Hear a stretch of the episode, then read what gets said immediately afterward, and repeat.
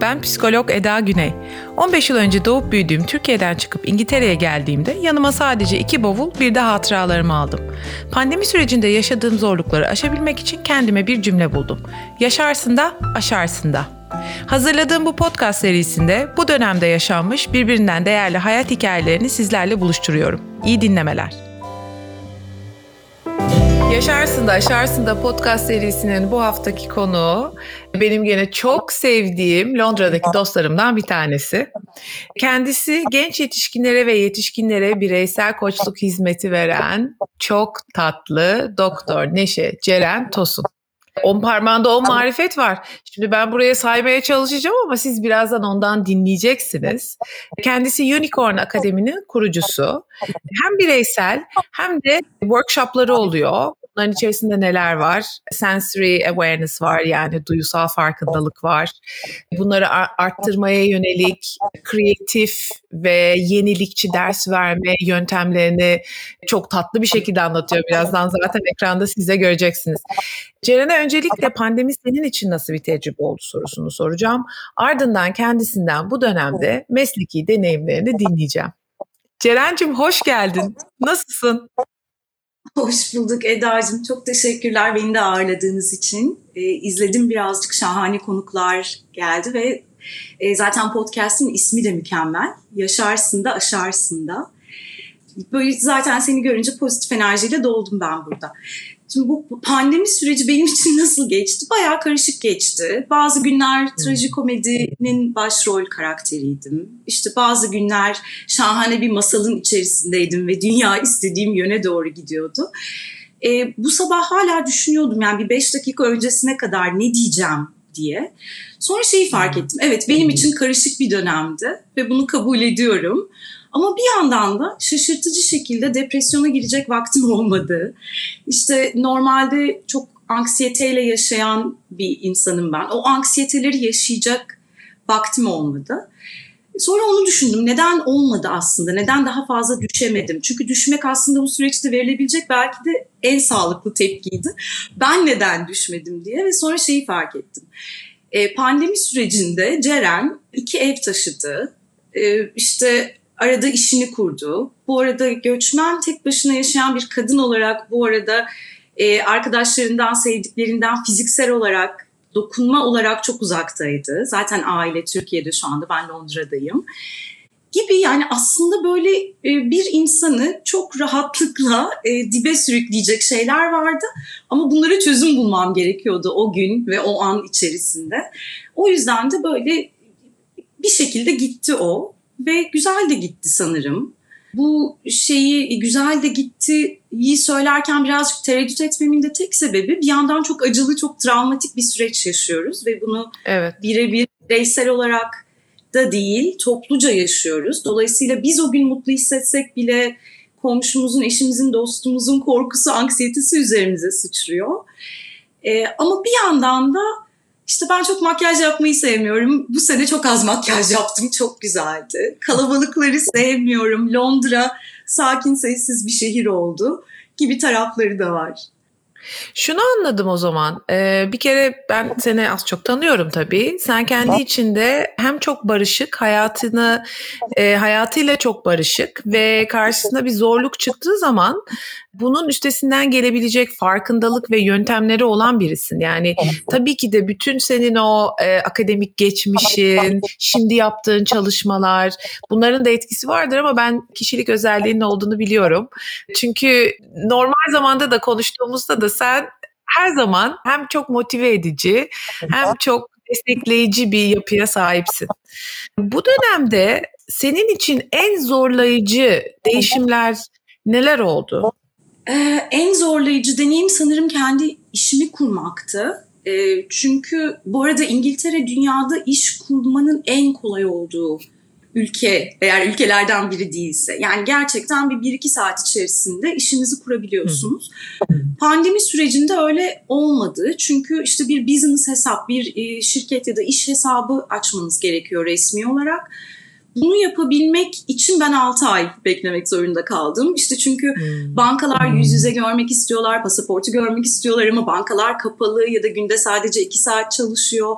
İşte tercih ettiğim banka zaten randevumu sürekli erteledi gibi böyle aslında normal hayatta bizi belki de çok zorlamayacak şeyler bir anda challenge haline geldi, bir zorluk haline geldi. Beni bir, en çok bu ufak şeyler hayatta yoruyor ve bence aslında çoğumuz için bu böyle. Yani başımıza bir trajedi geldiğinde vücudumuz adrenalin salgılıyor. İşte bir anda unuttuğumuz, var, var olmadığını sandığımız araçları vücudumuz, zihnimiz, duygularımız bize veriyor ve biz büyük krizleri aslında daha kolay atlatıyoruz. Bizi genelde küçük şeyler yıkıyor. Beni de bu sene en çok zorlayan o ufak şeyler oldu. Mesela işte ev gezmek yasaktı bir süre ama benim taşınmam hmm. gerekiyordu. Çünkü şimdi benim yaşadığım bölgede bazı ürünleri kullanmak e, hani illegal olsa da kabul edilebilir bir şey. Dolayısıyla alttan üstten kullanmak istemediğim bazı kokular, bazı malzemelerin kokuları geliyordu örneğin. Bu çok basit bir şey. Ee, bir de sürekli evden çalışınca sağınızda solunuzda pişen yemeklerden tutun da içilen şeylere kadar bir sürü bir şey sizin özel alanınıza girmiş oluyor. özel alan kalmamış oluyor. Beni sanırım en çok öyle ufak şeyler yordu. Ee, bu demin şeyi söyledin ya hani Ceren zaten pozitif işte yap, yapıyor o yapar becerileri var. Onu biraz şey diye düşünüyorum aslında hepimizin var ve hani benim bu süreçte birazcık daha az yıpranmamın bence tek farkı. Bunu bu arada etrafındaki insanlara da bakıyorum. Yani kimler bu süreçte çok yoruldu, kimler e, hayattaki hedeflerine koşmaya devam edebildi kendini yıpratmadan. Sanırım şöyle bir basit perspektif farkı var. Kendimize anlattığımız hikaye şuradan farklı olabilir. E, yani bana bugün olan her şey bir şey gibi geliyor. Her işte bir hayır vardırı çok sevdiğim bir atasözümüz mesela. Bugün bana gelen her şey bir malzeme. Şimdi bir koçluk, mentorluk yapıyorum, bir eğitmenim aynı zamanda. Hayatım bugün beni zorladığı her şey beni birazcık daha esnetiyor demektir bu. Ve o esnediğim yerden de yani hayatın karşıma çıkardığı her türlü sorunu çözmeye çalışırken belki de 5 yıl sonra ihtiyacım olan başka bir becerinin pratiğini yapıyorum. Hmm. Dolayısıyla böyle biraz daha uzun vadeli hayata baktığımızda işte mesela inançlı insanlar bunu çok güzel yapıyor. Çok daha bence becerikli bir şekilde yapabildiler bu süreçte. Biraz daha uzun vadeli baktığımızda bugün çözdüğüm her sorun bana yarın için bir esneklik sağlıyor. Yani şöyle de düşünebiliriz. Mesela fiziksel olarak spor yapmayan bir beden bir anda koşmaya ya da bir fiziksel bir egzersize başladığında vücudun verdiği ilk tepki acı, ağrıdır. İşte o kaslarımız yorulur, 3-4 gün onun acısını yaşarız. Ama buna devam ettikten sonra da eskisinden daha sağlıklı, daha esnek, işte daha hareketli bir bünyemiz olmuş olur. Bence duygusal süreçlerde de bu aynı şekilde işliyor. Peki burada o sürekliliği nasıl devam ettirebilir? Şimdi bizim bizi dinleyen ve izleyenler bence çok etkilendi bu söylediklerinden ve hemen akla şu soru geliyor. Bu süreçten bahsettin sen ve arada belki karşımıza çıkabilecek sürprizler oluyor ama bunu birincisi farkına varmak mı gerekiyor? Bunların kısa adımları varsa nasıl bize özetleyebilirsin? E, bu yine tabii ki kişiye çok bağlı çünkü böyle hepimiz inanılmaz bireysel, inanılmaz unik böyle kendine has e, becerilere, duygu durumlarına sahibiz ve bunu sahiplenmek çok önemli. Yani sabah kalkıp da bugün çok basit bir şeyden canım acıyabilir benim ve ille e, dünyada evsiz olanları düşünmek zorunda değilim. O acıyı da sahiplenip, kabul edip bir kere öyle başlamak gerekiyor. E, benim yapımdaki bir insan yani öz disiplinim çok fazla olmasına rağmen ve yardım istemekte çok zorlanmama rağmen bu süreçte yardım almam çok işime yaradı. Yardımdan kastım ne? Hani ben bir yandan koçluk vesaire yapıyorum ama bir yandan da kendim de bir koçla beraber çalışıyorum. Bunun da şöyle bir şey var. Regülerite, düzenli bir şekilde kendinize koyduğunuz hedefi hedefte yürümenizi sağlıyor ya da o yolda. Yani her hafta işte koçunla iki saat görüşecek olmak aslında bütün o geri kalan haftanın geri kalan vaktini de o günkü ödevime işte düşünerek, hissederek yaşamamı sağlıyor. Bunu bu arada kendi başını kendi başına yapmak da çok mümkün. İşte journalingle vesaireyle. Ama şey de önemli sanırım. En azından benim için önemli. Her gün kalkacağım ve çok disiplinli bir şekilde her gün olabileceğim en şahane insan olacağım cümlesi bana gerçekçi gelmiyor. E, çünkü hani haftanın yedi günü aynı şekilde hissetmiyoruz. Dolayısıyla ben her gün kalkıp egzersiz yapacağım. İşte her gün iki litre su içeceğim. Önemli, düzenli bir şekilde belli e, heyecanlarla, belli ödevlerle e, angaja olmak. Ama benim yapım mesela buna müsait değil. Dolayısıyla insanın kendini tanıması burada çok önemli. Benim için daha cyclical, böyle daire şeklinde gidiyor. Kendime ben günlük değil de haftalık ödevler koyuyorum. Ben bu hafta yeterince dışarıya çıkıp temiz hava aldın mı, doğayla buluştun mu? İşte en büyük sorunum e, çok fazla çalışmak. İşkolik bir bünyeye sahibim. Kendi kendime şeyi hatırlatmak. Bu hafta yeterince nefes aldın mı? Bu hafta yeterince güldün mü?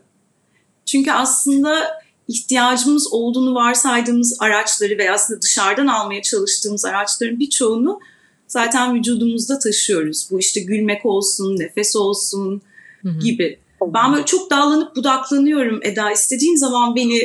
hiç, hiç de bile o kadar tutarlı şeyler söylüyorsun ki ben bu arada hemen zihnimde onların notlarını alıyorum. Birkaç yere dönmek istiyorum. Journaling'den bahsettim. Bu benim, ben biliyorum bu tekniği ama eminim bunu biraz daha bilmek isteyenler için sen çok güzel bir şekilde anlatabilirsin. Journaling nedir? Bize nasıl faydası olur? Zor zamanlar için iyi bir yöntem midir? Mükemmel bir yöntem journaling. E, bu arada hani koçlar, e, psikologlar, danışmanlar arasında çok farklı şekillerde kullanılıyor. E, benim kullandığım yöntemlerden bir tanesi birazcık da yaratıcılığı açmak için. Hani o gün karşıma çıkan şeylerde başıma ne geldi, ne hissettim tamamen e, bir kendimize kendime aslında bir ajanda beklemeden yazdığım bir journaling pratiği var. Başka bir journaling pratiği de bu Şimdi İngilizce Günlük birazcık... tutmak gibi diyebilir miyiz? Şimdi onu söyleyecektim. Günlük tutmak diyebilir miyiz? Kesinlikle ve bu e, yani journaling'i de aslında herkes istediği şekilde yönlendirebilir. Bir günlük tutmak, evet bugün başıma bunlar geldi, bunları hissettim gibi çok basit, neredeyse kendinize bir belgeselci hassasiyetiyle yaklaşabileceğiniz bir şey evet. şey olabilir. Ama bunun yanında şey de olabilir, daha spesifik bir ajanda da belirleyebilirsiniz kendinize. Bundan kasıt e, mesela e, işte yaratıcılık çalışmalarında şey öneriyorum ben. Bugün mavi rengi bulun ve bütün gün mavi renge odaklanın. Mesela bir o gün içerisinde mavi ile ilgili gördüğünüz her şeyi not almak. Şimdi bu ben benim buna ihtiyacım yok, yaratıcı da olmak istemiyorum vesaire diyebilirsiniz. Ama bu aslında bizim e, çok hızlı yaşadığımız anları birazcık yavaşlatan, farkındalığımızı arttıran. E bir de şimdi ne oldu? Yani Türkiye biraz daha açıktı ama biz İngiltere'de çok uzun zamandır kendi başımıza kapalı bir hayat yaşadık e, en rahatlarımız, en ekstrovert, dışa dönüklerimiz bile şu anda sosyal anksiyete yaşıyor. Evet. Siz oraya böyle bir ufacık kendinize bugüne bir not düşeyim ve bugün mavi rengi bulacağım sokaklarda, işte e, bilgisayarımda dediğiniz anda aslında böyle beyni rahatlayacak bir alan açmış oluyorsunuz. Şimdi onu yazacak olmak sonrasında o işte kalmanızı sağlıyor, onun devamlılığını sağlıyor. Hmm. Bu bir avantajı. Başka bir avantajı e, yazarken özellikle de type yani e, klavyeyle yazmak yerine elle yazıyorsanız başka bir ritmi var. Şimdi biz çok hızlı zamanlarda yaşıyoruz. Çok hızlı öğrenmemiz, çok hızlı çözüm bulmamız, çok hızlı cevap vermemiz gerekiyor. İşte sizle konuşurken şu anda telefonum bip bip bip ötüyor. Mesela o insanlar benden anında cevap bekliyorlar. Doğru. Yazma bu süreci yavaşlatıp beyne de nefes almamızın için bir alan açıyor aslında.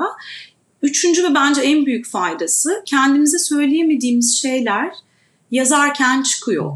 Yani özellikle de o journal'ı bir danışmana, bir işte e, psikoloğunuza, koçunuza göstereceğiniz baskısı da olmadan yazabiliyorsanız mükemmel. Çünkü güvenli bir alan orası. Başka hiç kimsenin okumak zorunda olmadığı, ve her şeyin makbul olduğu bir alana hepimizin bu arada buna çok ihtiyaç var. Her şeyin makbul olduğu bir alan. Kendimizden bile Çünkü bir insanın en büyük ödülü ve cezası kendisi bu arada. Kendimiz de kendimizi çok fazla sansürlüyoruz ve durduruyoruz. O yazma pratiği içerisinde o kendimizi birazcık durdurduğumuz yerlerde nefes alıp açığa çıkabiliyor. Koçluk olsun, mentorluk olsun, psikolojik danışmanlık olsun bunlar yüz yüze karşılıklı etkileşimin olduğu çalışma alanları. Sen bu dönemde evet İngiltere'de çok katıydı kurallar. Bu sebepten online'a mı geçmek durumunda kaldın? Burada ne gibi deneyimler yaşadın? Kendinde ne gibi yansımalar gördün? Bunu da merak ediyorum. Online'a işte bu şey yapmamak lazım. Çok büyük konuşmamak lazım hayatta. Akademiyi bırakmadan hemen öncesinde şeyi söylüyordum. Yani bu online eğitim diye bize şu anda dayatıyorlar ama pandemi öncesi bu. Hmm. E, online eğitim diye bize dayatıyorlar ama ben hiç öyle bir eğitmen değilim. Hayatta yapmam, işte yapamam da çünkü hani duyularla çalışıyorum. İşte bu hani enerji e, çok o terminoloji kullanmak istemiyorum ama birbirimizin kokusunu alıyoruz. Birbirimizi aslında çok daha düşündüğümüzden çok daha geniş şekilde algılıyoruz. Şimdi o alanları kurmakta zaten uzmanlaştım senelerdir. Bir pedagojik alan yaratma üzerine. İşte e, gelip dönüp duruyoruz. Bu duyularla ilgili zaten senelerdir çalışıyorum. Şimdi bunları yapan bir eğitmenken bir anda online'a geçtik. Bedenle çok çalışıyorum. Yani bedenle çalışabilmem için benim hani bütün vücudu aslında görmem ideal senaryo ki ona cevap verebileyim. İşte omuzda bir gerginlik var, göğüste bir şey var. Ee, çok hızlı adapte olabildim. Ve bunu da şuradan söylüyorum. Eğer ben adapte olabildiysem herkes olabilir. İlk e, 6 ayında Unicorn Akademi'nin e, akademisyenlerle çalıştım. Yani bu e, yüz yüze eğitimden online eğitime geçen akademisyenlerle ve üniversitelerle çalıştım özellikle. Çok güzel. Böyle bir atölye e, vardı. On, e, analog e, online eğitimi analog çözümler. Çünkü bizim ilk reaksiyonumuz ne oldu? Bu arada Türkiye'de de bu şekilde e, oldu. Online işe ve eğitime geçiyoruz. Hangi software'ı öğreneyim? İşte nereye klik edeceğim? Hangi hmm. karmaşık video programını kullanayım? Zoom'da onu nasıl yapıyorduk? Şeyi unuttuk. Yani çok temel bir ilişkilenme ihtiyacımız var. Ben hala bir mekanın içerisindeyim. Hani siz şimdi işte arkada mutfağımı görüyorsunuz, çiçeğimi görüyorsunuz. Ama bu mesela benim arkam şu anda önümde oldu. Bununla ilgili bir çalışma yapmak gerekiyor. Yani çok daha analog. Mekanı etrafında nasıl kuruyorum? Şimdi mesela normal bir iş ortamında ya da eğitim ortamında ne oluyor? Bir toplantıdan çıkıp diğerine girerken mekan değişiyor. E, laboratuvardan çıkıp öğrenci e, başka bir derse gireceği zaman mekan değişiyor. O mekan değişirken ne oluyor? Bizim bütün beynimiz, işte beynimizdeki nöronlar, vücudumuz hızlı bir şekilde switch dönmüş oluyor zaten. Yani bir sonraki işlem task neydi? Ona hazırlanıyor otomatik olarak vücut. Şimdi o ihtimali kaybettik bir kere. Ekran başındayım. Aynı ekrandan az önce annemle gör konuşuyorum. Az sonra bir danışanımla çalışıyorum. Sonra sizle bir podcast'e giriyorum. Ne yapacağım? Aradaki bu işler arası farkı nasıl yaratacağım? Analog olarak bu mekanda.